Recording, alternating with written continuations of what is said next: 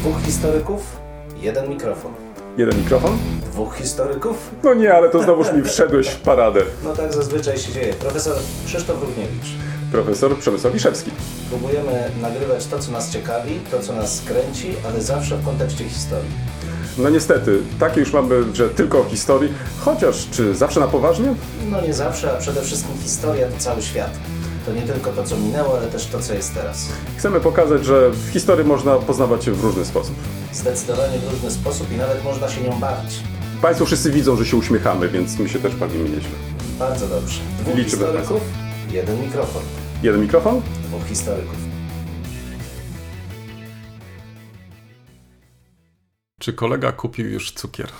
No i kolega tutaj podchwytliwe pytanie zadaje i zachęca mnie do krytyki obecnej sytuacji polityczno-gospodarczej. Ja dam odpór, powiem, że nie krytykuję, wręcz przeciwnie, Że dostrzegam. kupiłem 10 kilo.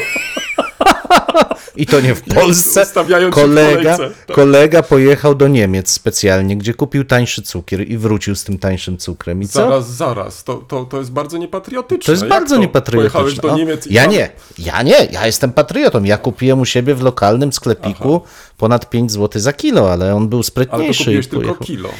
No kilo, na tyle mi starczyło pieniędzy, ale natomiast rzeczywiście uważam, że ta sytuacja, choć przejściowa, to bardzo wiele mówi raczej o nastrojach społecznych ni- niż o kondycji gospodarki. Choć z drugiej strony, jeszcze tak, zanim rozpoczęliśmy nagrywać, zastanawialiśmy się, jak wytłumaczyć tą sytuację, bo przecież w końcu Polska była, jest jednym z największych e, producentów e, cukru i praktycznie tego towaru nie powinno u nas brakować. No ale to jest fenomen e, gospodarki inflacyjnej i tu myślę, że coraz częściej będziemy konfrontowani z sytuacją, kiedy ceny u producentów e, powinny rosnąć, natomiast u od- odbiorców wielkich sieci handlowych wymusza się te ceny, które były sprzed inflacji, no i zaczyna się problem ze sprzedażą, z dystrybucją. I to tylko jeden z wielu aspektów tego, co niestety obawiam się z- przez najbliższe dwa lata będzie nam towarzyszyć. Zwróćcie Państwo uwagę, kolega tak bardzo poważnie zaczął to wszystko tak e, interpretować. E, Zamiast powiedzieć, e, właśnie kupiłem 10 kilo w, co to teraz jest, o, na przykład czereśnie, albo 10 kilo w wiśnie, albo 10 kilo w jabłek i zaczął robić na zimę Kolego, no, ale to by mnie zaraz. słoiki i tak nie, dalej, i to tak dalej. I Zaraz po policja to by mnie. potrzebuje, po to potrzebuje. Ale przecież od razu wiemy, że napadłaby mnie policja, bo wytwarzanie alkoholu bez akcyzy i zgody. Zaraz, ale no, kto to, mówi no ale po co ktoś Ja kupuje 10 kilo jabłek, 10 kilo czereśni, 10 kilo wiśni? No, no, no litości. No. Czyli, czyli tu, ale zaraz, to, to, to kolega tu chciał jakieś takie wino owocowe zrobić, tak? Ja nie chciałem, to ty mi sugerowałeś, że ja nie, grappę jakąś polską. Ja wcale nic ci nie sugerowałem, ja tylko myślałem, że w, zinterpretujesz to w ten sposób. Mamy teraz czas przetworów, trzeba się szykować na zimę, bo już z różnych stron dobiegają nas informacje, że to nie będzie łatwa zima, lekka zima, jak to niektórzy też mówią. No i trzeba się po prostu przygotować, więc jak się przygotowujemy? Na przykład y, robiąc weki, no. No więc jako kleciniak mieszkający koło cukrowni Klecina, ja y, staram się zlokalizować, gdzie został zadołowany cukier z lat 80. On na pewno tam jest. On na pewno tam jest i jak normalnie chodzą ludzie z wykrywaczami metalu szukając jakichś skarbów, ja myślę, że niedługo będziemy chodzić po cukrowni Klecina szukając Nie wiem, cukru. czy przypominasz sobie z pewnością tak, jak się jest na wystawie Ośrodka Pamięci Przyszłość, to tam dla lat 80. jest taka część, gdzie Polacy ukrywali, albo nie tyle ukrywali, gdzie chowali, może tak jest lepiej chyba, e, to należy po- opowiedzieć, gdzie chowali te deficytowe Tak. produkty, jak cukier, mąka i U tak mnie w dalej. kanapie się chowało. Właśnie w kanapie. Tak, w Lub też- tapczanach. Tak, lub też tej takiej e, meblościance chyba, tak? To się tak nazywało. ściance to nie, ale pamiętam doskonale, jak był grudzień, to 81 i potem 82, to mama zawsze do tapczanu i tam wszystko. Ach. Wiesz, e, no, ja myślałem, że to już jest tylko przeszłość, ale Ale czemu w ogóle? W ogóle uważam, że to jest defetyzm. Powinniśmy spojrzeć na to jak na normalny e, mechanizm e, rynkowy, no może nie kapitalistyczny, aczkolwiek też no sinusoida, raz jest lepiej, raz gorzej, procesy gospodarcze wymagają oczyszczenia sytuacji i teraz jest kryzys, powinniśmy się oczyszczać. Widzę, że tak ko- kolega bardzo pozytywnie to tak właśnie tutaj zakończył ten wątek, to pomyślałem sobie, a co przejdźmy może do następnej części. Nowinki, starowinki, kolego. Co E. też tutaj ciekawego udało Nowinki, się starowinki. znaleźć? Dobrze, no to ja dwie, tak, ponieważ zacząłem optymistycznie, to musi, musi być kontrapunkt, tak jak mówiłem. Mhm. Więc dzisiaj będzie o e, uzasadnieniu do sprawowania władzy i o symbolach tej władzy. E, Różne można wskazać definicje i uzasadnienia dla sprawowania władzy, ale w e, mieście katalońskim Wals w 1357 tak to zdefiniowano. E, Istnieje jeden, jedno uzasadnienie, e, dla którego władcy mogą panować nad miastami, miasteczkami i zamkami. I dlaczego mogą otrzymywać przychody? Ponieważ oni bronią swoich poddanych i egzekwują sprawiedliwość wobec łamiących prawo. I to jest taki klasyczny, optymistyczna wizja, ale cytuję ją dlatego, że często widzi się tą rzeczywistość średniowiecza przez taki strasznie uproszczony, uproszczoną kliszę, w której władca z Bożej łaski ma pełnię praw, dlatego że jest z Bożej łaski. To nie to, że jest to koncepcja kompletnie obca w takiej teologii władzy średniowiecznej, ale nie wcale powszechna i obejmująca cały ten, przypomnijmy, tysiącletni okres.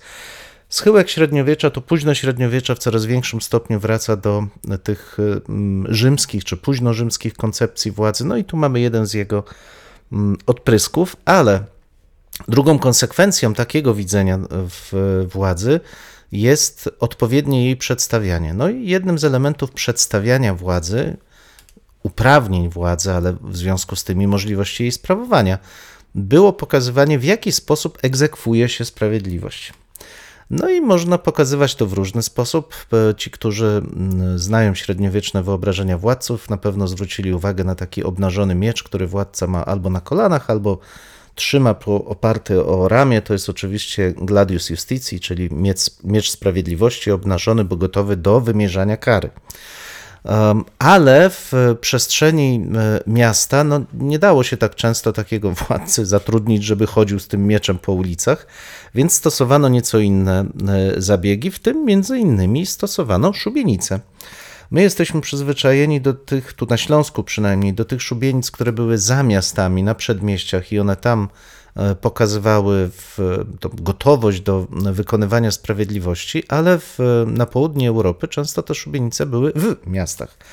Różny charakter miały. Mogły stanąć na rynku okazjonalnie, kiedy rzeczywiście dokonywano egzekucji, mogły być na podwyższeniu po to, żeby tym bardziej wyeksponować taką, em, ta, taką, taki moment sprawiedliwości, ale były też i takie szubienice, i te bardziej znamy tu na Śląsku, które miały taką e, podmurówkę zrobioną z kamieni, no i tam była konstrukcja drewniana. No, ta konstrukcja często była nawet nieużywana, ale powinna być odpowiednio tak postarzona, żeby można było pokazać, że jest używana i że władca czuwa. A czasami zdarzało się, że na tej podmurówce były herby i to było najistotniejsze. Powinien być herb władcy, herb miasta, ewentualnie herb któregoś z możnych, który wykonywał e, tutaj e, sprawiedliwość. I takie mm, oznaczenia miały wyraźnie wskazywać, że tylko te osoby mają prawo egzekwować sprawiedliwość i mają prawo karać śmierci, bo w końcu ta możliwość karania życiem i śmiercią, czy karania życiem, no bo karania śmiercią osoby żywe czasami życie bywa ciężkie, ale nie aż tak, pokazywała, że ta osoba ma prawo e, wymierzać sprawiedliwość i ma prawo sprawować władzę. No i taka średniowieczna nowinka, starowinka. A to jest pierwsza. Ale tylko jedna A dzisiaj. mówisz o dwóch. Albo jedna była z definicją, a druga była ze śmiercią. Dobrze, wszystko jest jasne, dobrze. dobrze, niech i tak ci będzie. No, e, proszę Państwa, ja tym razem w- tutaj e, mm, pomyślałem, że skoro jeżdżę po Dolnym Śląsku, a tak się złożyło, że i tym razem pod koniec tygodnia odwiedziłem kilka miejscowości, to mając na uwadze zainteresowania kolegi, a mam nadzieję po części także i Państwa, mm, przybliżę mm, jeden z pomników, y, który mnie zainteresował, y, o którym nie wiedziałem. No i jeszcze muszę mm, y, przyznać, że go też nie widziałem. To, to jest w ogóle straszna chyba konstrukcja, którą teraz stworzyłem, ale obiecuję, że następnym razem ją obejrzę. Mianowicie mm, byłem w Kudowej Czernej i być może część z Państwa mm, kojarzy tą miejscowość z kaplicą Czaszek, no, bo to chyba najbardziej znana e, atrakcja turystyczna. Mm, Mnie natomiast ta kaplica nie interesowała. W, nie dlatego, że, że nie interesuje się tego rodzaju zabytkami, ale, ale widziałem już przed laty i nie uznałem za stosowne, żeby raz jeszcze tam pójść. Natomiast mnie zainteresowały inne rzeczy. Mnie zainteresowało współżycie Polaków, Czechów i Niemców i to w jaki sposób w Czernej, specyficznej miejscowości, mm, to współżycie jest e, pokazane. I najlepiej zajść na cmentarz, bo faktycznie mm, na cmentarzu możecie Państwo znaleźć zarówno e, groby niemieckie, czeskie, ale także i polskie. Jest to część tak zwanego kątka czeskiego, to jest też taka pewna specyfika e, tej właśnie miejscowości, która należy do mm, wielu innych miejscowości w tej części ziemi kłodzkiej, którą właśnie nazywamy kątkiem czeskim. To wzięło się po prostu stąd, że do wojen śląskich e, ziemia kłodzka należała do Czech, później przeszła po wojnach śląskich e, pod władanie Prus, a po 1945 roku przejęła ten teren Polska. W chwili, kiedy czytacie Państwo losy mieszkańców po 1945 roku, właśnie tej części, tutaj w tym konkretnym przypadku Czernej, to można się faktycznie dowiedzieć bardzo wielu ciekawych e, rzeczy, które no, wymykają nam się trochę z takiego bardzo sztampowego opowiadania historii powojennej Polski, bo mamy i cały konflikt polsko-czechosłowacki, mamy ucieczki mieszkańców e, Czernej do Czech, bo w pobliżu był Nachod, tak więc e, część z nich uważała, że mm, no, musi się ratować ucieczką przed e, polskimi władzami. I co ciekawe, dopiero mm, mm, te rodziny łączyły się po 56 roku, bo po 56 roku można było mm, wrócić. W latach 40. działała tam szkoła mm, z językiem czeskim. Później utworzono na początku lat 50. szkołę z językiem niemieckim. Także przez pewien czas można powiedzieć, że to mm, była taka część e, Kudowy, dzisiaj jest to część Kudowy, mm, która no, miała tych em, sąsiadów Polaków, Czechów i Niemców. I ponieważ kolega interesuje się tutaj tym takim współżyciem, em, sytuacjami konfliktowymi lub też ich brakiem, no to jest to z mojego punktu widzenia bardzo ciekawy przypadek, kiedy to przez e, kilka dziesięcioleci faktycznie w sposób, e, bym powiedział, taki e, pokojowy, żyją ze sobą te trzy różne narodowości. Po wielu dziesiątkach lat władze miasta postanowiły mm, zwrócić turystom, ale także i chyba mieszkańcom na ten fakt uwagę i w 1999 roku mm, ufundowały pomnik, który mm, nazwano Pomnik Trzech Kultur. I mm, myślę, że mm, warto e, także i na ten pomnik zwrócić uwagę, ponieważ zawiera on kilka takich e, symbolicznych elementów. Trzeba sobie wyobrazić e, ten pomnik w postaci, oczywiście on jest w plenerze, w postaci tęczy, tej, tej jednego takiego ramienia tęczy.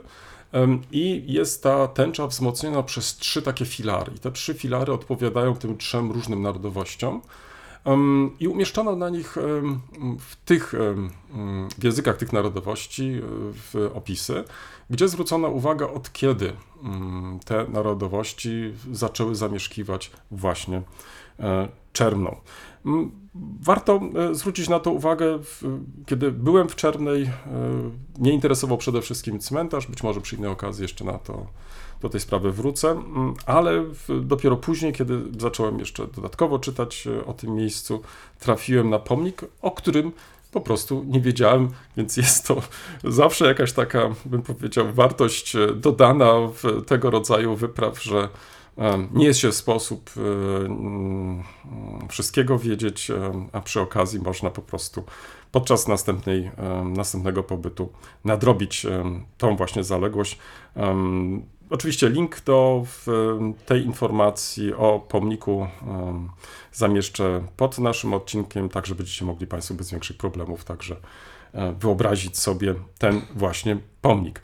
To jest może pierwsza taka y, nowinka, starowinka. Druga jest bardziej związana z, z moją lekturą. Otóż mm, w ubiegłym tygodniu tak się złożyło, że w prezencie otrzymałem mm, nie, nie otrzymuję za dużo prezentów w ostatnim czasie, ale to już mniejsza z tym. W każdym razie w prezencie otrzymałem klocki Lego. I to wszystkich Państwa może zaskoczyć um, klocki Lego. Ale nie byle jaka rzecz, mianowicie mm, to, ponieważ w tym roku jakoś tak się składa, że raczej nie planuję jakichś dłuższych wyjazdów, nie mówiąc już o wyjazdach za granicę, to skuter, proszę Państwa, do złożenia. w, w klasyczną wespę, tak więc e, przez Śliczna. Półtorej godziny kolega może potwierdzić, bo mam ją Mhm. przed sobą. Jest w całości, Jest. nie w kawałkach, także jest złożona, jest czerwona. Zobacz, e, oprócz tego ma wszystkie różne napisy, ma także na przykład Mhm. tablice rejestracyjne i tak dalej, a poza tym jedzie, także, także wszystko jest jak należy. W- Ostatnio dowiedziałem się, że podobno w Lego teraz nie tylko produkuje klocki dla dzieci, ale także i dla dorosłych i chyba to e, właśnie mm, e, te klocki dla dorosłych e, zostały mi sprezentowane, ale nie ukrywam, o dwóch może rzeczach powiem. E, Pierwsza to samo składanie. Zawsze się zastanawiałem, oczywiście składa... Nie, nie, to nie powiem tak, że składałem z synem, bo, bo to było, było wiele, wiele lat temu, chociaż w, przypadku, chyba jednym przypadku razem składaliśmy, bo to się, składał się em, ten statek z iluś tam tych e, setek, może setek e, części.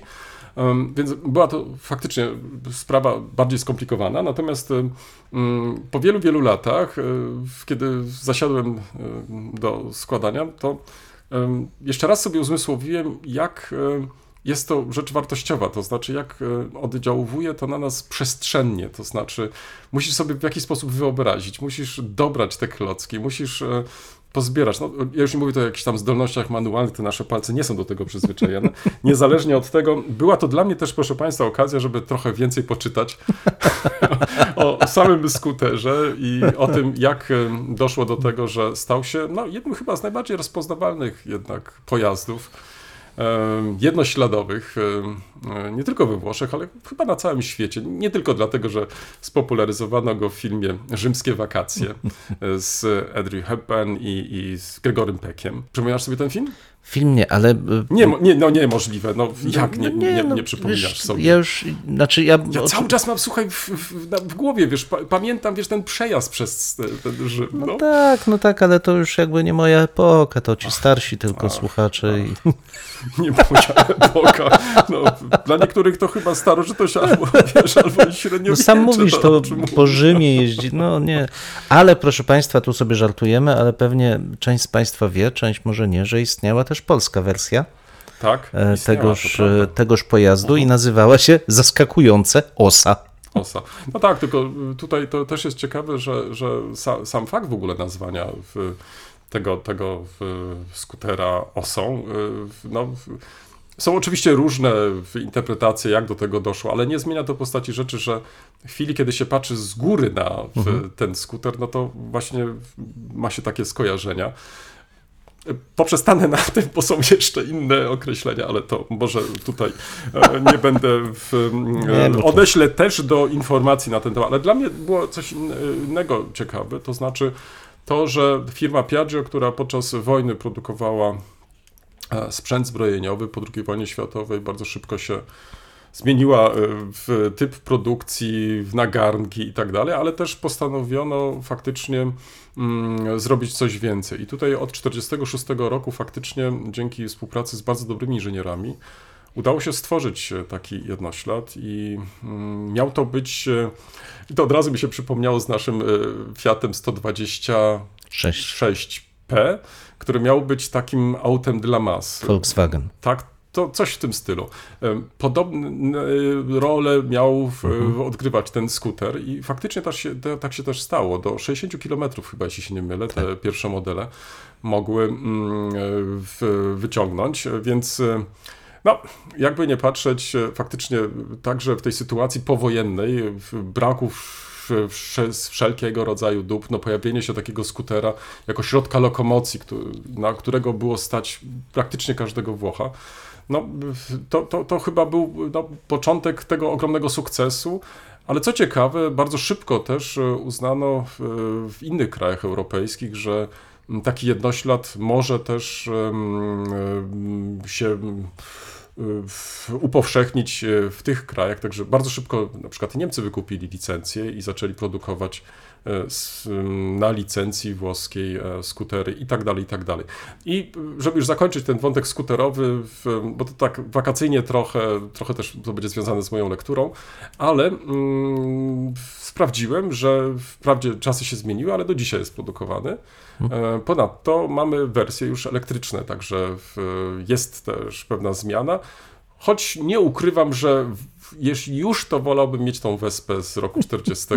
No, umówmy się, no może niekoniecznie ta pierwsza wersja, ale e, jedna z następnych, tak żeby trochę poczuć ten wiatr we włosach i, i, i no, ponieważ masz te ograniczenia do 60 km, więc tak z górki może ewentualnie mógłbyś wyciągnąć trochę więcej, ale niezależnie od tego, myślę, że tak poczuć się trochę, wiesz, tak jadąc e, między tymi wzgórzami, na przykład strzelińskimi, albo tutaj jadąc w kierunku Jelcza Laskowic, no myślę, że byłoby to No kapitalne i byś uczucie. płoszył tylko te borsuki i sarny tym, tym brum, brum, brum. Tak, tak. Ale to prawda, że ja, ja przyznaję, że ja też mam takie ciepłe wspomnienia, ale z użytkowania innego skutera, e, skutera marki Jawa.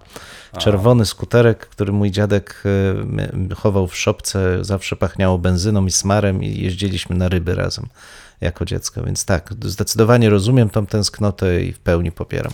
No, póki co pozostaje mi tylko ten model Tak jest. mnie złożony. Lektury. Przejdźmy do lektur. Lektury. Dzisiaj, jak zwykle, krótko. E, Dwie prace, ponieważ jak już. Ja myślałem, że będzie dłużej tym Nie, razem. właśnie, że nie. Już ostatnio obiecałem Państwu, że więcej o średniowieczu, bo jednak za, za dużo o tym XX wieku to nuda To przecież. proszę Państwa, jednak. tylko dowód na to, że kolega coś pisze, coś pisze, skoro on tylko o średniowieczu Cały czas pisze. świata nie widzi poza Nie no, średniowieczem. widzi, widzi, widzi, ale dzisiaj właśnie niekoniecznie chciałbym o tym. Jeszcze mnie strofuje, że przypomina mu tu jakiś film, który nie należy do jego epoki. No, bo nie, bo ja to Easy Rider, to rozumiem, ale jakiś z Audrey Hepburn przejazd, że dajcie spokój. Linka koledze wyślę. Linka, dobrze, dobrze, dobrze.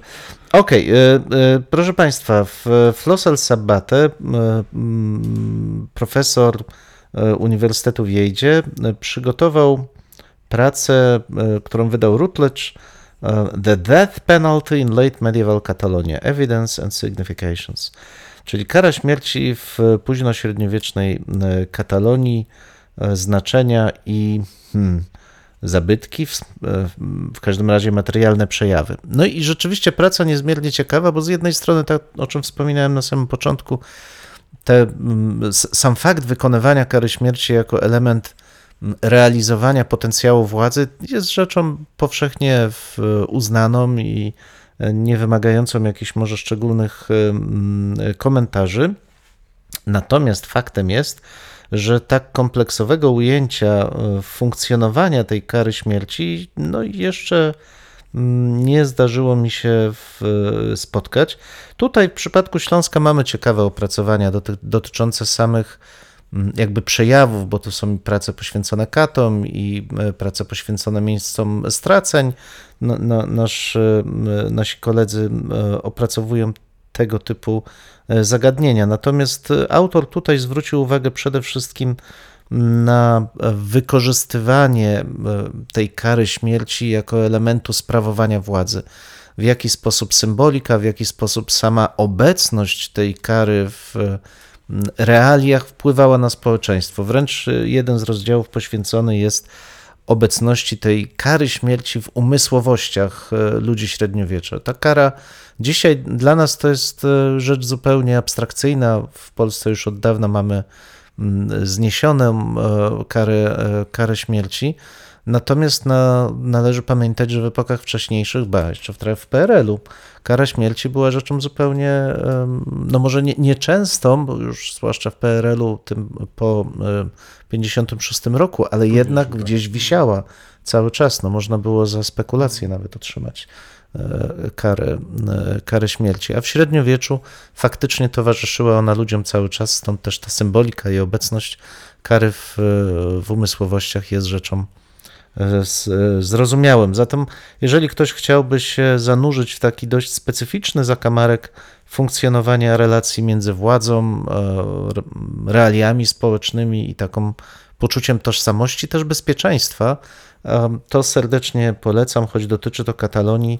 To jednak jest to region paradoksalnie dość bliski funkcjonowaniu naszych regionów pogranicznych, takich jak Śląsk. Warto sobie go przybliżyć. To jest jedna lektura.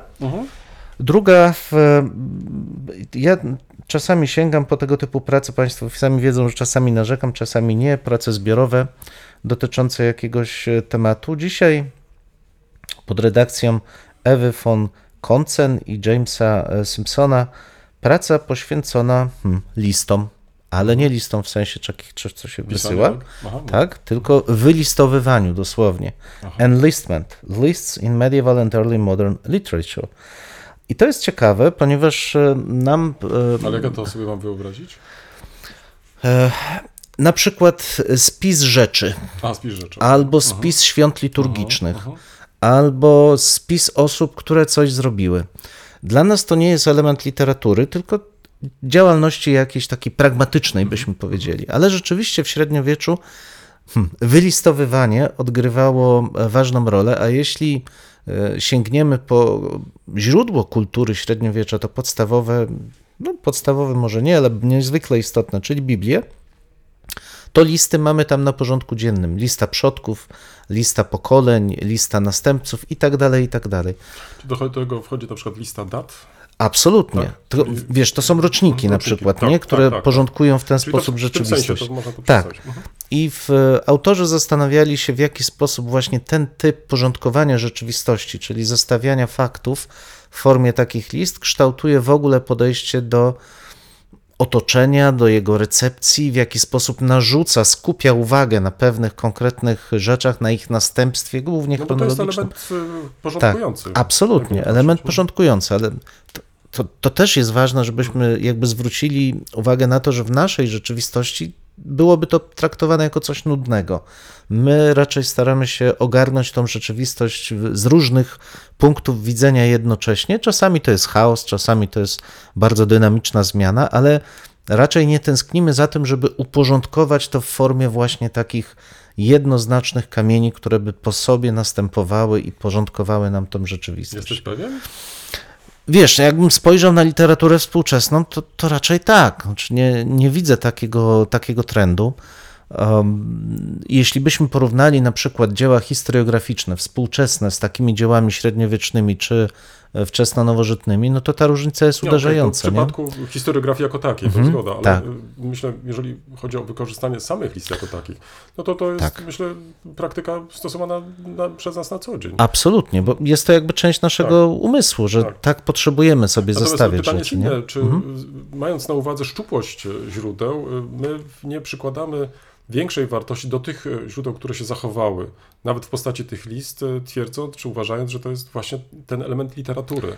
No więc właśnie to jest też moje zastrzeżenie. To znaczy, w, ja absolutnie doceniam znaczenie list jako element porządkujący rzeczywistość, i tu uważam, że i dla starożytności, i dla średniowiecza one miały zdecydowanie większą wagę, może dla wczesnej nowożytności też niż teraz.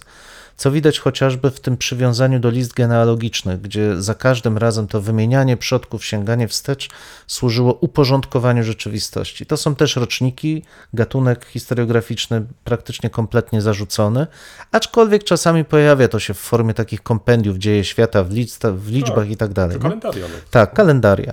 Ale nie jest to gatunek dominujący takim, jakim był kiedyś. Natomiast wcześniej, jako ta pomoc mnemotechniczna, która pozwalała właśnie uporządkować, stworzyć szkielet, wzdłuż którego postępowano opowiadając o dziejach, nie zapisując tego, ale opowiadając na podstawie takich list, no bardzo często występowało i było bardzo charakterystyczne, tworząc taką kauzalną ścieżkę rzeczywistości, jedno za drugim.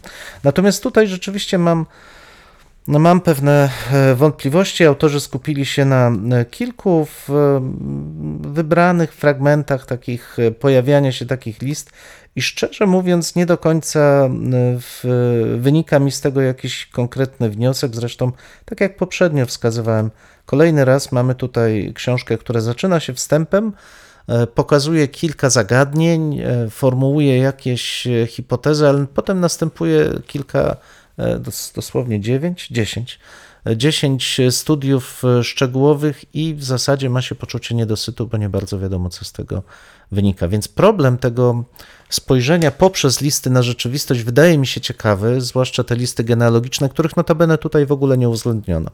Wydaje mi się to bardzo e, istotne, natomiast e, jako sposób narratywizacji otoczenia, przestrzeni, czasu, natomiast ta książka nie wyczerpuje tego zagadnienia.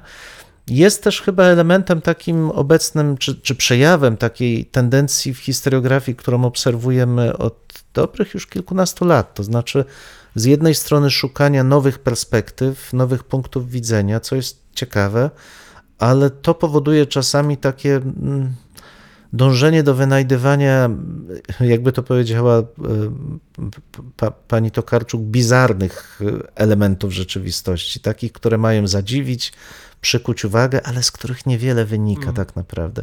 Więc e, z jednej strony doceniam, jeszcze raz podkreślam, warto, e, warto zajrzeć do tej książki, w, przynajmniej, żeby docenić rolę list w ocenie czy w kształtowaniu tego oglądu rzeczywistości, ale wydaje mi się, że w takich przypadkach należy naprawdę dobrze przemyśleć, co chcemy osiągnąć, no i jednak do jakichś wniosków e, dociągnąć te nasze rozważania. I tyle z mojej strony. Bardzo, bardzo ciekawe lektury.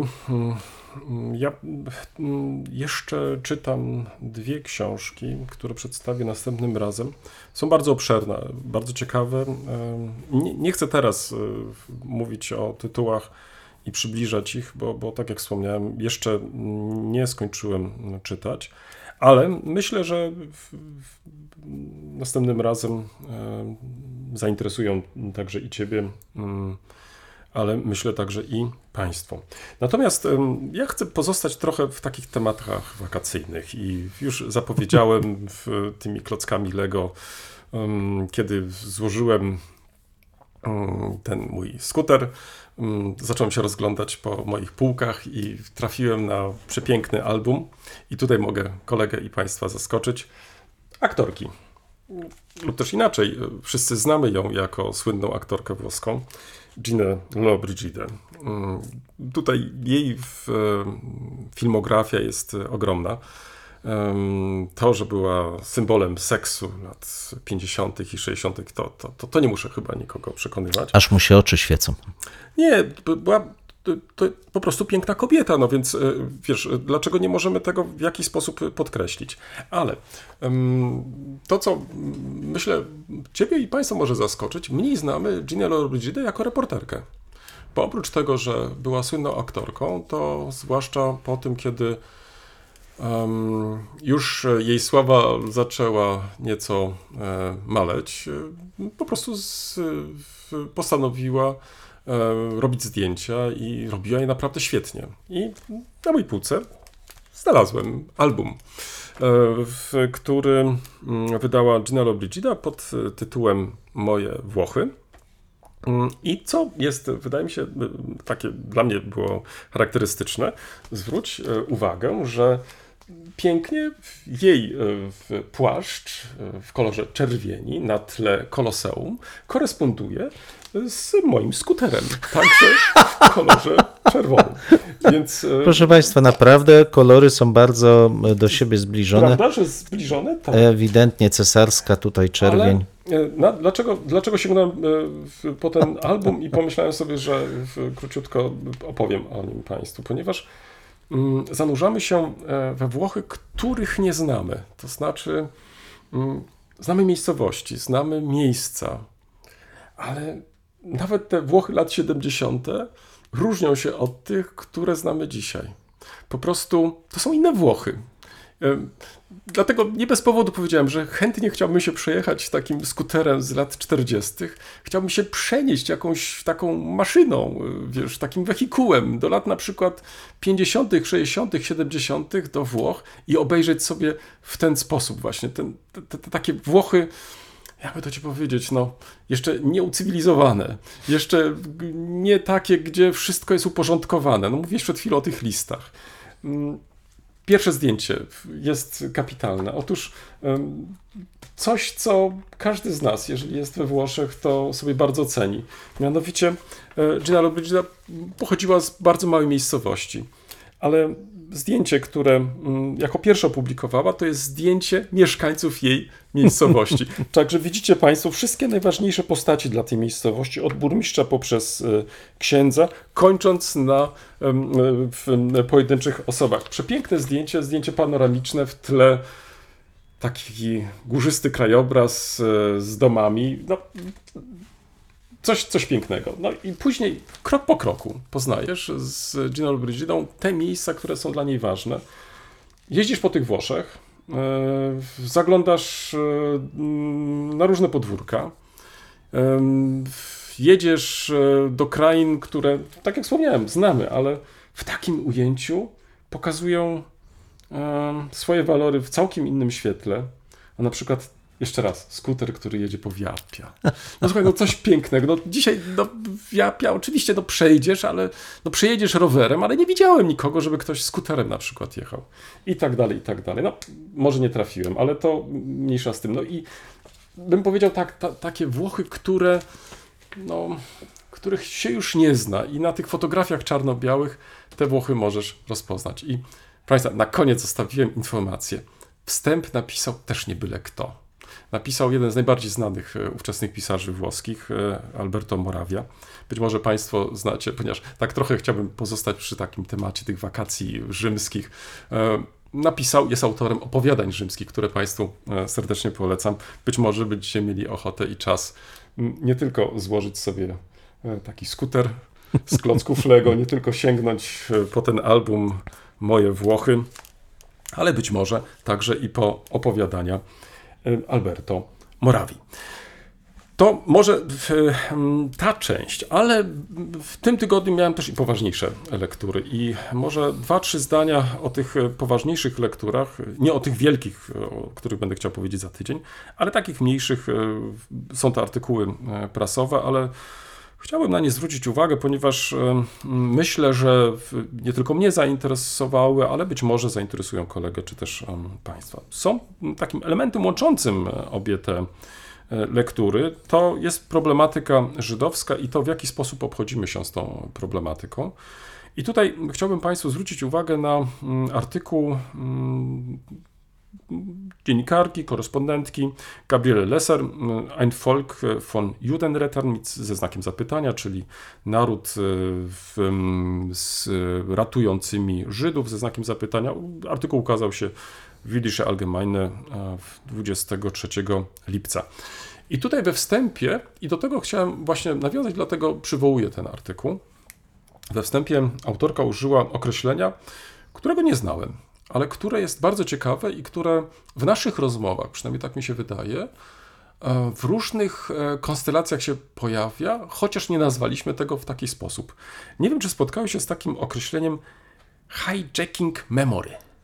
Przechwycenie, porwanie Tak, pamięci. Porwanie lub też e, jeszcze się tłumaczy inaczej, używając te, tego określenia piractwo, czyli po prostu skaperowanie pamięci. Polega to po prostu na tym, że tak jak jest e, ze statkiem pirackim, który przejmuje obcy statek, to ten statek później pływa pod banderą piracką. Kurczę, ale wiesz co, kaperować, to mi się wydawało namawiać kogoś do czegoś. To, to ty tam, a ja sprawdzę. E, Po niemiecku jest to Kapern von Erinnerungen. E, W takiej formule, e, czy w ta, takie pojęcie tutaj pada. Em, Ja bym to tłumaczył jako kaperowanie pamięci, ale to w takim e, kontekście także autorka używa tego pojęcia. To znaczy, że mm, e, istniejącej pamięci nadaje się nową pamięć e, i tą nową pamięć się w jakiś sposób forsuje. E, nie wspominając o tej pierwotnej pamięci, bo ta e, została niejako wymazana. Jest to bardzo ciekawy zabieg, bo dotychczas e, mówiliśmy o negatywnej pamięci, mówiliśmy o komunikacyjnej pamięci, kulturowej pamięci i tak dalej. Natomiast tutaj, mm, używając tego określenia mm, e, skaperowanej pamięci albo spiratowanej pamięci, jeżeli tak to mógłbym e, e, użyć, chociaż e, masz rację, w, można też i w, w tym e, ujęciu, tak jak ty zaproponowałeś, tłumaczyć, czyli Mhm. przejęcie pamięci, ale to mniej więcej na tym by polegało. To, to już tylko dodam, że skaperowanie chyba, tak jak mówiłem, nie jest szczęśliwym, ta kalka językowa, bo jednak w języku polskim to zgodnie ze słownikiem faktycznie oznacza przeciągnąć kogoś na swoją stronę, pozyskać dla siebie, czyli synonim skaptować. Czyli skaptować, czyli nie, to- czyli Tak. nie, to, to bardziej tutaj e, w- chodziło by Porwanie, e, o przejęcie. porwanie, Tak, przejęcie, tak, tak, tak, i tak. nadanie nowego znaczenia. I teraz Tak. czego dotyczy artykuł? E, Artykuł dotyczy no, problemu, z którym się zmagamy od wielu już lat.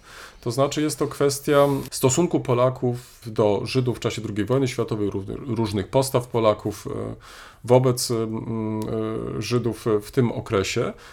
E, I tutaj autorka zajęła się szczególnym przypadkiem, czyli e, problemem ratowania e, Żydów. I e, pretekstem do e, tego artykułu, i tutaj możesz mnie poprawić, bo może faktycznie trafiłeś. Ja niestety nie trafiłem. Mianowicie kilka dni temu odbyła się w Berlinie bardzo duża e, konferencja poświęcona właśnie problematyce żydowskiej i w, jednym z referentów był profesor Grabowski, który właśnie mówił o tych różnych zmaganiach z pamięcią w Polsce. No jakoś ta informacja albo mi umknęła, ale nie zwróciłem nawet na to uwagi. Także faktycznie w tym artykule Państwo więcej dowiedzą się, czego dotyczyło wystąpienie profesora Grabowskiego. Nie zmienia to postaci rzeczy, że mm, użycie tego pojęcia także w kontekście ratowania Żydów uważam za bardzo ciekawe i takie, które nas, historyków, e, być może mogłoby skłonić do jakiejś takiej szerszej e, refleksji. No, mamy teraz to pojęcie, za pomocą którego możemy to zjawisko przejmowania pamięci, pamięci a następnie tworzenia własnej e, albo nadawania własnej, możemy mm, e, lepiej po prostu nazwać i e, można to wykorzystać. Także to jest jeden z, z tych artykułów, na który chciałem zwrócić uwagę. Drugi natomiast to mm, z kolei artykuł Pawła Smoleńskiego pod tytułem mm, Babcię zamordowaną w Polsce wyssał z palca. Mówił o polskich obozach koncentracyjnych. Jair Lapid, nowy premier Izraela. Jest to bardzo ciekawy mm, artykuł. Ukazał się Wyborczej pod koniec e, tygodnia, który mm, kreśli nam sylwetkę mm, nowego premiera, ale zwraca też uwagę na jego wcześniejsze wypowiedzi w sprawach e, polskich, e, polsko-żydowskich, które, jak być może Państwo przypominają sobie, budziły sporo kontrowersji. I tutaj autorowi udaje się, wydaje mi się tak przynajmniej, e, pokazać, mm, jakie są różnice między polską wrażliwością, kiedy mówimy o relacjach polsko-żydowskich, a jaka jest e, różnica e, w, Izraelu, jeśli chodzi też o tą wrażliwość izraelską, gdy chodzi o relacje polsko-żydowskie. Polecam ten artykuł. Jak wspomniałem, postać e, premiera budziła i budzi kontrowersje. To nie zmienia postaci rzeczy, że warto się z tą sylwetką zapoznać, by lepiej zrozumieć też e, motywy jego działań. A przede wszystkim e, autor, i to chyba udaje się e, w, w Smoleńskiemu bardzo dobrze, kreśli tło e, polityczne współczesnego Izraela. I myślę, że takich informacji życzyłbym sobie więcej w przyszłości. To znaczy, żeby mm, dziennikarze faktycznie, jeśli już zabierają się za taki czy inny temat, em, no tak jak powiem, ja to uczyniłem. Zaczynając od skutera, sięgnąłem do różnych informacji, kiedy ten skuter zaczęto produkować. Sięgnąłem jeszcze oprócz tego po em, album zdjęciowy, ażeby mm, jakoś to też dodatkowo połączyć i tak dalej. Tak dalej. Ktoś z Państwa mógłby powiedzieć, y, nie ma to żadnego związku. W- Ja uważam, że tak i wtedy ta em, wieloperspektywiczność patrzenia na różne problemy czy na różne postacie jest tutaj, wydaje mi się, bardzo ważna. No, a zwłaszcza kiedy bierzemy też, czy zabieramy też e, głos w takich czy innych e, sprawach, mam nadzieję, że wtedy czynimy to w sposób bardziej już em, świadomy i wyważony. To może tyle z mojej strony, ale już daję głos, oddaję głos koledze. Tak, tak. Ja tylko chciałem dopowiedzieć, bo, kiedy mówiłeś o, o tym mm, przejmowaniu e, pamięci, zacząłem kojarzyć, że już gdzieś ten problem widziałem. I faktycznie w, lata temu, gdzieś będąc za granicą, kupiłem Jacka Goody'ego książkę The Theft of History, czyli kradzież historii. I on nawet sprawdziłem, rzeczywiście ona wyszła też po polsku. Jack Goody, e, Kradzież historii, w kilka lat temu. Przy czym on skupiał się wtedy, to był mm, moment, kiedy debata nad e, kolonializmem europejskim i postkolonialnym podejściem do historii była bardzo żywa. On zajmował się tym, w jaki sposób Europa narzuciła swoją wizję historii społecznościom wschodu, głównie azjatyckim, i jak matryca widzenia europejskiego historii ukształtowała i uczyniła kanoniczną wersją przeszłość tych e, ludów, nie dopuszczając jakby do głosu ich wizję, e, ich wizję przeszłości. Więc problem jakby od strony też tej m- metodycznej od jakiegoś czasu funkcjonuje i być może dobrym e, momentem w tej chwili zwłaszcza jest spojrzenie na te relacje polsko-żydowskie właśnie przez pryzmat tej z dwóch stron następującej, jak widać z tych obu artykułów, próby przechwycenia tej pamięci, zmonopolizowania pamięci o tych wydarzeniach. Y, Wypychając y, tą inną pamięć, to znaczy, bo, bo to wiesz, to, to też jest e, Tak. te, tego typu mechanizm, to znaczy my, my poznajemy pamięć innego po to, żeby ją przejąć i nadać naszej pamięci po prostu nową, nowe znaczenie. Tak, tak, Także tak. tutaj ten zabieg bardzo mi się podoba, znaczy w sensie Tak. mechanizmu powstawania, natomiast Tak. y, jak go oceniam, to, to jeszcze jest inna sprawa, natomiast tu musielibyśmy od przypadku do przypadku faktycznie Oczywiście. rozpatrywać e, tego rodzaju kwestie, ale myślę, że mm, uświadomienie sobie, jak e, różne mamy podejścia do pamięci i co z pamięcią możemy robić, to wydaje mi się tutaj jak najbardziej właściwe i dziękuję jeszcze za tą dodatkową e, sugestię. Informacje zamieścimy pod Tak jest. naszym Tak, tak, tak, odcinkiem. oczywiście. Mhm. Skoro kolega nie ma następnych pytań, to przechodzimy do następnej naszej części. Em, jak zacząć, powiedz? No nie Bo- prosto. Bo to chyba nie jest też taki dla nas oczywisty temat, czy prosty temat. Em, hasło wywoławcze było um, cancel e, culture, czyli inaczej kultura unieważniania. Bo to może tak moglibyśmy tym Tak, razem tłumaczyć, tak, tak, czyli tak. kultura unieważniania lub też, żeby to jakoś tak może e, sprowadzić e, do, albo uprościć może cały ten problem, czyli e, coś, co może tradycyjnie byśmy nazwali e, odsądzaniem od czci i wiary. Nie wiem, czy to w takich kategoriach możemy to też rozpatrywać, ale, ale tak przynajmniej sobie wypisałem, że może, może to, jako podejście pewne, jako pewne zrozumienie e, tego pojęcia, może to byłoby mm, jakoś takim, takim kluczem też. No rzeczywiście, zresztą mówiliśmy kilkukrotnie, gdzieś tam napomykaliśmy o tych e, zjawiskach, które w kulturze współczesnej e, są dość silne. Mówi się też o walk culture, o tych działaniach, które mają systemowy charakter już w tej chwili, opierając się na kom- o komunikację sieciową, pobudzania do odwagi i do sprzeciwiania się pewnym zjawiskom, które mm, są uznawane za niemoralne, za krzywdzące mniejszości przede wszystkim, przy czym ta definicja mniejsz- mniejszości jakby rozszerza się e, coraz bardziej.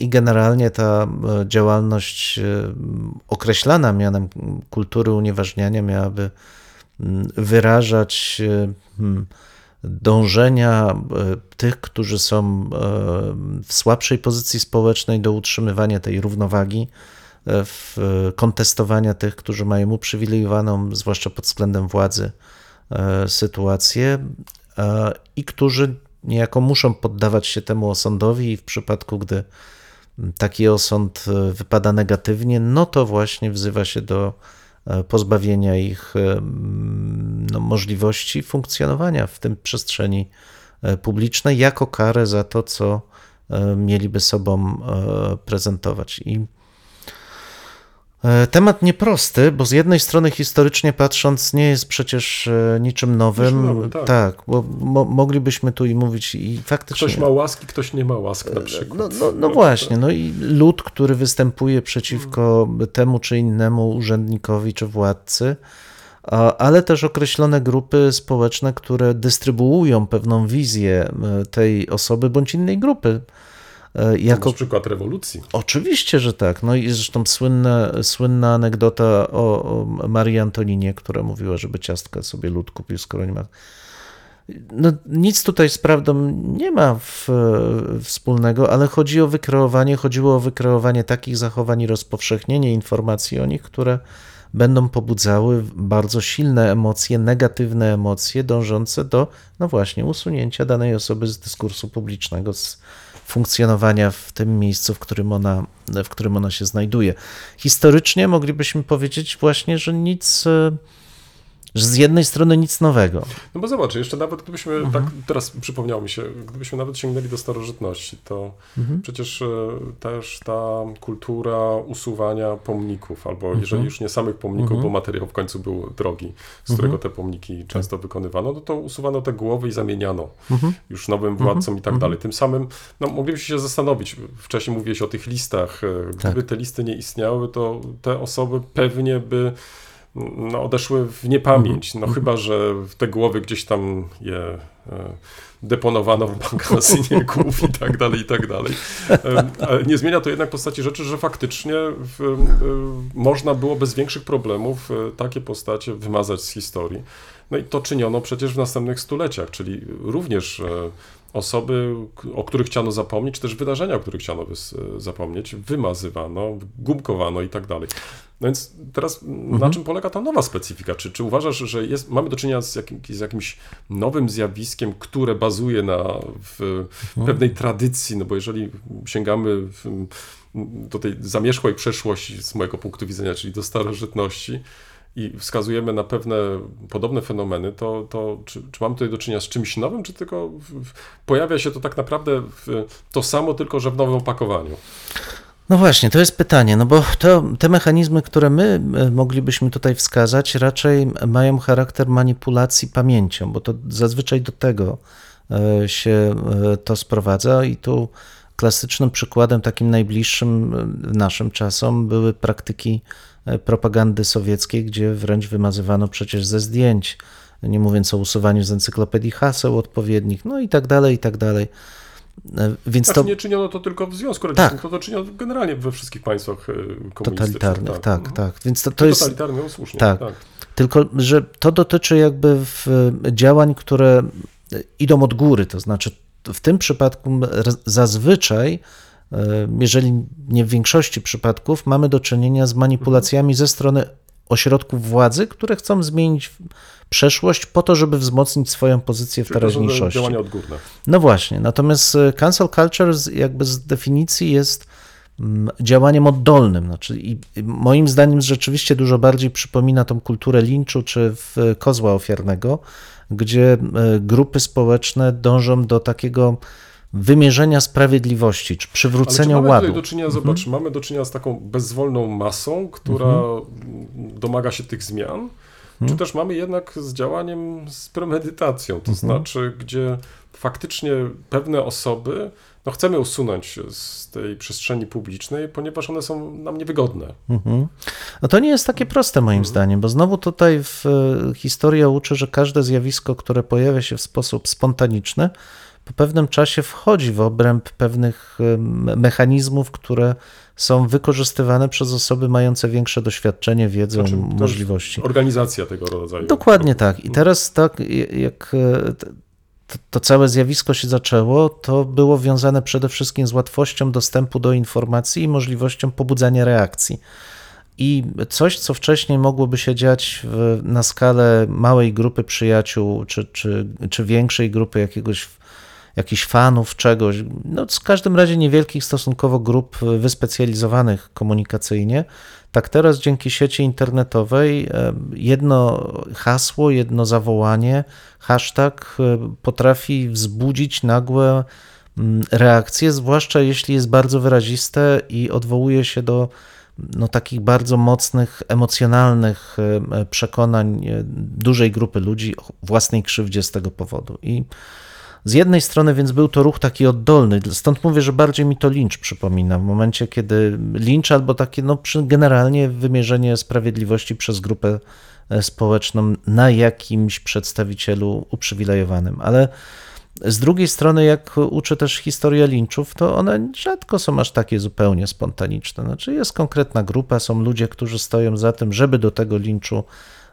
doszło, żeby go wykorzystać do swoich gier władzy. I mam wrażenie, że podobnie dzieje się znowu zgodnie z historycznymi prawidłowościami. Prowadźmy jeszcze może jedno określenie, Dzisiaj. ostracyzm, bo tutaj zwróć uwagę, jest to też pojęcie, które nam Tak. towarzyszy przez stulecia Tak. e, i w, to może być ostracyzm e, i po- pojedynczych osób, ale całego środowiska też. Mhm, tak, ale znów wracamy jakby do tej specyfiki, którą wytworzyła dzisiaj ta kultura masowej informacji, już naprawdę masowej, bo to, co w, zaproponowano nam jeszcze w refleksji McLuhana, no to była informacja, która w sposób masowy do nas dociera. Dzisiaj jest sytuacja zupełnie inna, znaczy ta informacja jest masowo wytwarzana i w zasadzie, co też świetnie e, widać, kluczowym elementem jest pobudzenie własnej widzialności w tej przestrzeni. Znaczy, Im bardziej jestem dostrzegalny, tym lepiej się czuję.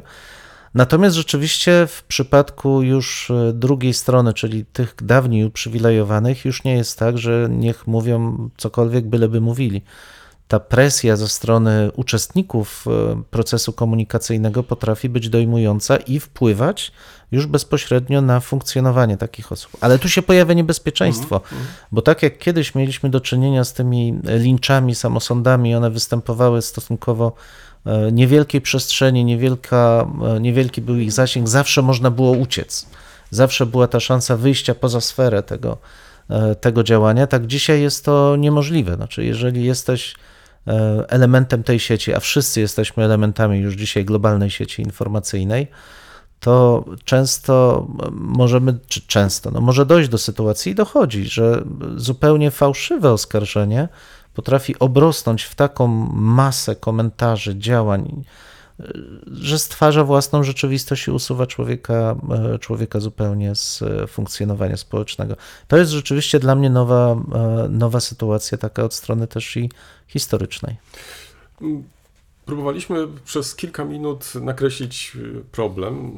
Zwróciliśmy uwagę na to, kiedy on powstaje, no ale nie wiem, mówiliśmy też o tym, jak sobie z tym radzić, bo czy jesteśmy w takim razie bezradni, bo przed chwilą powiedziałeś, że jesteśmy częścią sieci i em, być może też e, prezentując political correctness e, mm, poddajemy się zbyt łatwo, albo nawet sobie nie zdajemy z tego sprawy, że poddajemy się będąc częścią tej sieci. To w takim razie jak się bronić? To znaczy, czy jest jakaś możliwość e, funkcjonowania poza tą siecią lub też e, podważenia tego, o czym my teraz mówimy, właśnie tej, tej polityki wykluczania, już niezależnie od e, której strony to idzie, czy od góry, czy od dołu. No to jest fajne pytanie, bo znowu jak e, sięgniemy w przeszłość, to jakby dwa trendy są. Z jednej strony, i to jest mało pocieszające, ale za życia tych osób, w których dochodzi do takiego procesu defamacji powszechnego, to bardzo rzadko udaje im się wyjść z tego. Bardzo rzadko. Jeżeli ten proces ma już charakter tak powszechny, to ta, ten negatywny obraz e, zostaje z nimi do śmierci i bardzo często będzie kształtował wyobrażenia przyszłych pokoleń o takiej osobie. Pozytywne jest to, że historia wskazuje, że mimo tego powiedzenia, że to zwycięzcy formują historię, piszą historię, ja jestem tutaj dużo większym optymistą. Współczesna historiografia krytyczna potrafi jednak sięgać do w miarę zobiektywizowanych narzędzi i y, szukać obrazu, który z różnych punktów widzenia przedstawia sylwetkę, a tym samym odsiewa to, co jest opinią, od tego, co jest faktycznym czynem czy działaniem danej e, osoby. Tu jestem bardziej optymistyczny, jeżeli chodzi o przyszłość takiej osoby. Natomiast współcześnie powiem Ci, że ja jestem bardzo, em, bardzo sceptyczny, także dlatego, że jeszcze raz podkreślę te działania e, kancelujące, unieważniające, m, mając charakter linczu, e, są niesterowalne. Znaczy tu, jeżeli rzeczywiście dochodzi do takiej powszechnej, powszechnej histerii na jakimś punkcie, to niewiele możesz zrobić. To zresztą świetnym przykładem jest, mm, jest e, autorka e, wspa- wspaniałej przecież e, wielotomowej sagi o Harrym Potterze Rowling, która za jedno wydawałoby się nie budzące w, zastrzeżeń stwierdzenie, że są dwie płcie biologiczne, zyskała mianę transfobki i jest e, kancelowana właśnie na wiele, na wiele sposobów, co jest absurdalne zupełnie, e, absurdalnym zupełnie e, podejściem. No i, i w zasadzie co można z tym zrobić? Pytanie, czy w tej sytuacji, w której z jednej strony mamy niesterowalność takiego procesu, a z drugiej strony wykorzystywanie go do utrącania konkretnych osób e, z grona tych, które zagrażają innym osobom, bo nie łudźmy się, często są to działania znowu sterowalne. I z punktu widzenia historyka znowu mogę powiedzieć nic nowego. No, defamacja jako element pozbawiania reputacji, pozbawiania autorytetu, a następnie usuwania osoby, odsuwania jej od władzy jako pozbawionej możliwości e, sprawowania takiej czy innej władzy, może być symboliczna, kulturowa, jakakolwiek inna, nie jest, nie jest niczym, e, nie jest niczym e, nowym. Nie jestem optymistą, powiem Ci szczerze, bo żeby to, to zjawisko nie miało znaczenia, muszą istnieć autorytety, które będą korygować takie Właśnie działania. do tego chciałem nawiązać, bo w tym takim trochę bardzo, bym powiedział, y, nie chcę powiedzieć czarnym obrazie, Mhm. ale bardzo takim stonowanym i raczej takim, no a jednak mimo wszystko pesymistycznym Mhm. podejściu. No, czy jest jakaś rola dla nas? To znaczy, czy jednak nie widzisz tutaj no, też tej pewnej szansy, że poprzez to, że, że choć pewnie za chwilę sobie sam zaprzeczę temu, co mówię, bo, bo znamy historię, ale mimo to cały czas, e, także mimo funkcjonowania w różnych dyktaturach i tak dalej, to wydaje mi się, że ten intelektualista szukał jednak drogi do wolności, to znaczy proponował, stawał się takim przewodnikiem. Czy w takim razie, mm, w tym takim bardzo, bym powiedział, w, no jednak zagęszczonym świecie informacyjnym, czy em, nie ma już miejsca dla tych tłumaczy, dla tych intelektualistów, tych osób niezależnych? Ja bym zadał raczej pytanie, w którym momencie przestali oni pełnić taką funkcję i czy w związku z tym można jeszcze do niej powrócić. Bo że przestali, moim zdaniem absolutnie tak. Jeżeli spojrzymy na to, w jaki sposób przebiegają dzisiaj gry polityczne, to gdyby te osoby dysponowały autorytetem, to ich głos w trakcie wyborów, sporów politycznych powinien brzmieć wyraźnie, mocno i wręcz decydująco. Owszem, pojawiają się, ale zwróć uwagę, że najczęściej na marginesie i ich opinie raczej są traktowane no, jako uzupełniające ewentualną właściwą Znaczy nie grę stanowią polityczną. wartości. Nie stanowią, a już na pewno nie decydującą wartość, co znaczy, że nie są autorytetami. E, Kiedy to, to się stało, to już jest e, dyskusja chyba e, szersza, bo w, patrząc na to, jak rozpada nam się współcześnie ta demokracja oparta o, o wiedzę, o, o, o umiejętność, to myślę, że przyszli historycy będą dopiero w stanie, e, w stanie wskazać. Na pewno w tej chwili jesteśmy w takim momencie e, krytycznym, kiedy te mechanizmy demokratyczne, wcześniej wymagające od obywatela z jednej strony zaufania do ludzi, którzy są wyspecjalizowani w analizie sytuacji, a z drugiej strony wysokich standardów etycznych tych, którzy taką analizę przeprowadzali.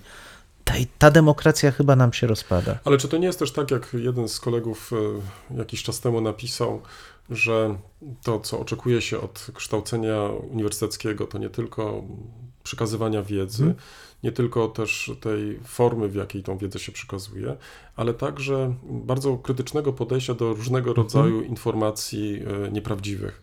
To znaczy, żeby wykształcić e, też metody zwalczania tego rodzaju informacji. Być może e, to rozszerzenie trochę e, tych humboldtowskich, nazwijmy to tak, e, w- wyzwań, e, które stoją przed, przed nauką, przed nami i dostosowanie jakoś do współczesnych e, problemów, no może to byłoby jakimś e, wyjściem, może to byłoby też jakimś rozwiązaniem. Pewnie tak. Debata, którą powinniśmy jednak toczyć, bo, bo ja nie wiem, czy ty masz, e, może masz inne wrażenie, ale ja mam wrażenie, że my raczej tego typu debat nie prowadzimy. I ja nie, już nie mówię tutaj o debacie na naszym uniwersytecie, tylko debat generalnie między uniwersytetami, też pokazując no właśnie ten charakter uniwersalny w naszych jednostek. No wiesz co, ja tutaj mogę powiedzieć, że widzę raczej inne nawet zjawisko, bo są takie próby tworzenia takich debat i tylko, że one są tak koturnowe, że nie przyciągają w ogóle większego zainteresowania i to jest chyba problem. To znaczy, że z jednej strony niby tęsknimy za tymi debatami, ale nie potrafimy nadać im żywego charakteru i wzbudzić zainteresowania szerszego, to jest raz. No a dwa pytanie przede wszystkim o to, jaki jest e, status uniwersytetu w tej chwili, status środowiska uczonych w, i czy oni rzeczywiście cieszą się jakąś estymą. Pamiętasz, mieliśmy takie, nawet napisałem na blogu taki e, artykuł, że z jednej strony nauka jako taka cieszy się zaufaniem, choć raczej science niż humanities, ale to wcale nie oznacza, że naukowcy cieszą się zaufaniem. Znaczy idea nauki i praw naukowych tak, natomiast e, już konkretne osoby nie. I to jest chyba też bardzo charakterystyczne, że łatwo współcześnie przychodzi poprzez ten właśnie tą ku- kulturę kancelowania usuwać konkretne osoby, oddzielając te osoby od pewnej szerszej kategorii, co do której zgadzamy się, że e, zasługuje ona na zaufanie czy autorytet. Więc mogą ludzie mówić, że okej, my ufamy nauce, ale już nie naukowcom. To jest chyba ten problem, że nam się ten indywidualizm społeczny, w, który jest bardzo silny i to i z prawej i z lewej strony, sprawia, że moje zdanie jest nie tylko równoważne ze zdaniem specjalisty, ale jest ważniejsze niż zdanie specjalisty. I być może to jest zadanie przed nami, w jaki sposób, krok za krokiem, spokojnie, zaproponować jednak takie metody, które pozwolą pokazać, że nie, nie każde zdanie jest równe. Bardzo mi się podoba tutaj to stwierdzenie zaproponować, to znaczy Mhm. to powinno być faktycznie poprzedzone dyskusją, debatą, Mhm. w jaki sposób możemy to zrobić tak, żeby było to atrakcyjne. Dokładnie tak, dokładnie tak. No wiesz, no, wyszliśmy tutaj, nie, nie mówiąc oczywiście o tym wprost, od sytuacji, która dotknęła naszą noblistkę za jej stwierdzenie, że jej książki nie są dla idiotów, ale dla ludzi, które, którzy są jej pokrewni duchowo i tak dalej. Oczywiście to jest bardzo ostre stwierdzenie. Ja pewnie bym tak nie, nie powiedział, e, ale chyba nikt nie ma wątpliwości, że nie każda książka jest dla każdego czytelnika. I tak samo jak dla mnie nie są książki, które mają charakter romansów, i ja w życiu ich nie będę czytał, bo mnie po prostu nudzą, ja ich nie rozumiem emocjonalnie. Tak samo nie wymagam, żeby ktoś czytał moje książki, jeżeli kompletnie nie jest zainteresowany funkcjonowaniem społeczeństwa czy historią. Książki są dla różnych osób. Wiesz, nie, nie, nie, to ja Mhm. tutaj, ja nie wiem, czy tutaj trochę nie, jest pewne nieporozumienie jednak, wiesz, Mhm. y, bo, bo ja nie chcę też rozpoczynać tutaj dy- dyskusji, która, która No, przetoczyła się już y, w, w, w kraju, ale ja nie wiem, czy tutaj trochę nie inaczej powinniśmy położyć akcenty. To znaczy, ja rozumiem y, tą wypowiedź też w ten sposób, nie, że moje książki nie są dla każdego, tylko przygotuj się do lektury, e, posiadaj tą Oczywiście, wiedzę. Em, oczywiście. e, To tak jak e, jeszcze wrócę do moich lat szkolnych, kiedy Mhm, mm, czytaliśmy wiersze Herberta. To sobie przypominam jak Tak. dzisiaj.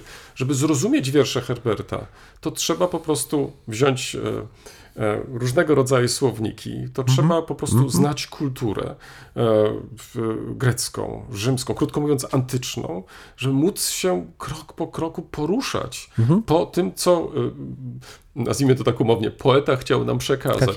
Tak. I mając to wykształcenie, mając tą wiedzę i doświadczenie, inaczej spojrzę na ten utwór, inaczej będę interpretować i wtedy ten utwór, który wydawałoby się z początku nie był kierowany do mnie, jak najbardziej jest kierowany, bo ja go rozumiem. Mhm. To tak jak z każdym tekstem obcym.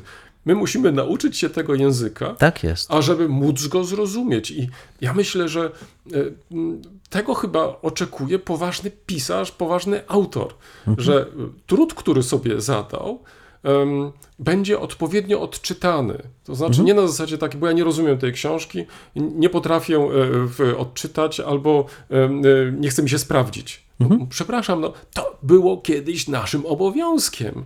No, No, ale, ale- o tym się zobacz- nawet wręcz milczało, że się nie, nie potrafiło tego czy tamtego zrozumieć. Ale zobacz, i tu dotykasz znowu tego problemu, o którym rozmawialiśmy tak naprawdę, że z jednej strony mamy kulturę, która opierała się na pracy i szacunku dla tego, co się uzyskuje pracą. Ci, którzy rzeczywiście pracowali, uzyskiwali rezultaty, cieszyli się szacunkiem i mogli pewne twierdzenia ogólne formułować, które potem były wykorzystywane przez tych, którzy z różnych powodów akurat w tym zakresie pracą się nie wykazywali. Natomiast dzisiaj sytuacja jest zupełnie inna.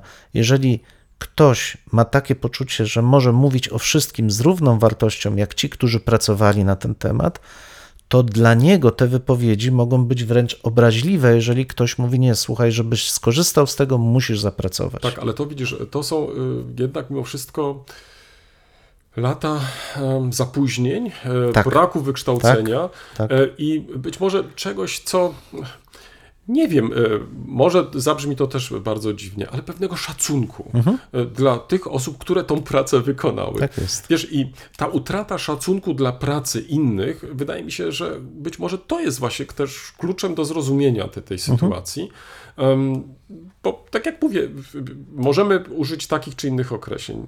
Moglibyśmy powiedzieć mądrzy inaczej i tak dalej. I nie wiem, czy to by się przebiło. Nieprzygotowani. W ogóle tak, ale to pewnie by się nie przebiło tak naprawdę do w, tej, Tak, w przestrzeni medialnej. Natomiast em, e, takie ostre stwierdzenie jeszcze raz nam uzmysłowiło, czym tak naprawdę literatura jest. To, to nie jest tak, jak to ładnie po niemiecku określa, ein Stückelchen ohne Knochen, czyli po prostu e, czasami no, tak bywa, że, że wieczorem e, wrzucam jakiś kryminał, e, żeby tylko tak, jest. naprawdę, dla, wiesz, na zasadzie, żeby sobie jakieś pewne rzeczy po- uporządkować bez i jakichś naprawdę ambicji, że, że to musi być jakieś, jakieś świetne kino i tak dalej, i tak dalej. Więc taką rolę na przykład pełnią kryminały. Tak jest. Są lepsze, gorsze i tak dalej. Ale jeżeli już się zabieram za dobrą literaturę i wiem, że mam do czynienia ze świetnymi autorami, a przecież takich autorów staramy się wyszukiwać Tak, tak, i przedstawiać, no to ja jednak mimo wszystko oczekuję, że mm, zmierzę się z tą publikacją, Mhm. że zmierzę się z tym autorem, że jeżeli czegoś nie rozumiem, to poszperam, poszukam. A mówiąc wcześniej o tym, że mamy Mhm. dzisiaj taki dostęp do wiedzy nieograniczony, to zróbmy w końcu z tego użytek.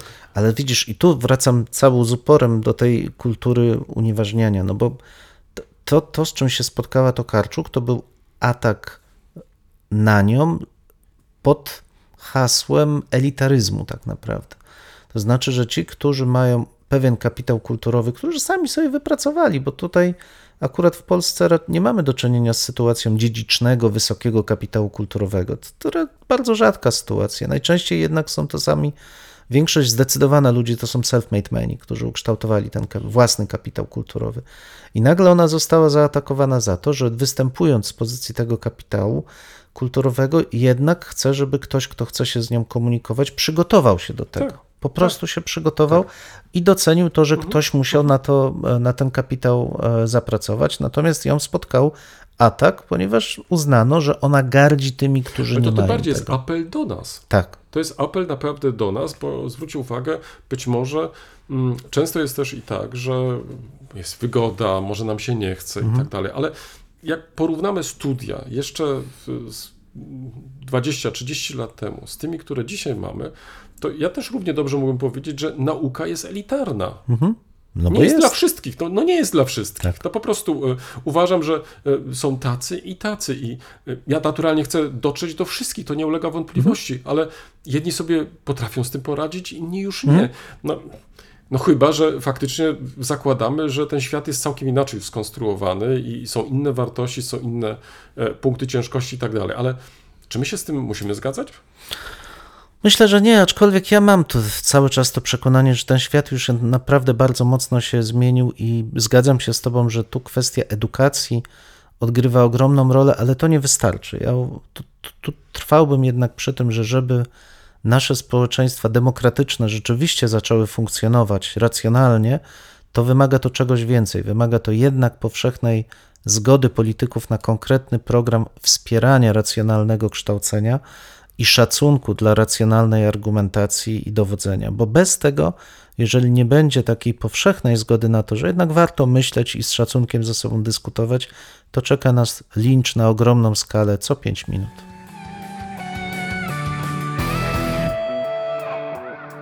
W tym miejscu stawiamy kropkę lub też jak to woli, kropkę na win. No, mamy nadzieję, że to nie jest koniec, że to jest początek Waszych dyskusji. Mam nadzieję, że Was zaciekawili. Prosimy o komentowanie naszych zmagań z historią. Poniżej zdjęcia jest wystarczająco dużo miejsca. I pamiętajcie, nie regulujcie odbiorników. No, my naprawdę tak brzmimy. E, tak, chociaż być może czasami e, może trzeba ściszyć. No może czasami ten nasz rechot by się przydało wyciąć nawet. Dwóch historyków, Jeden mikrofon, jeden mikrofon. dwóch historyków. Dziękujemy. Dziękuję.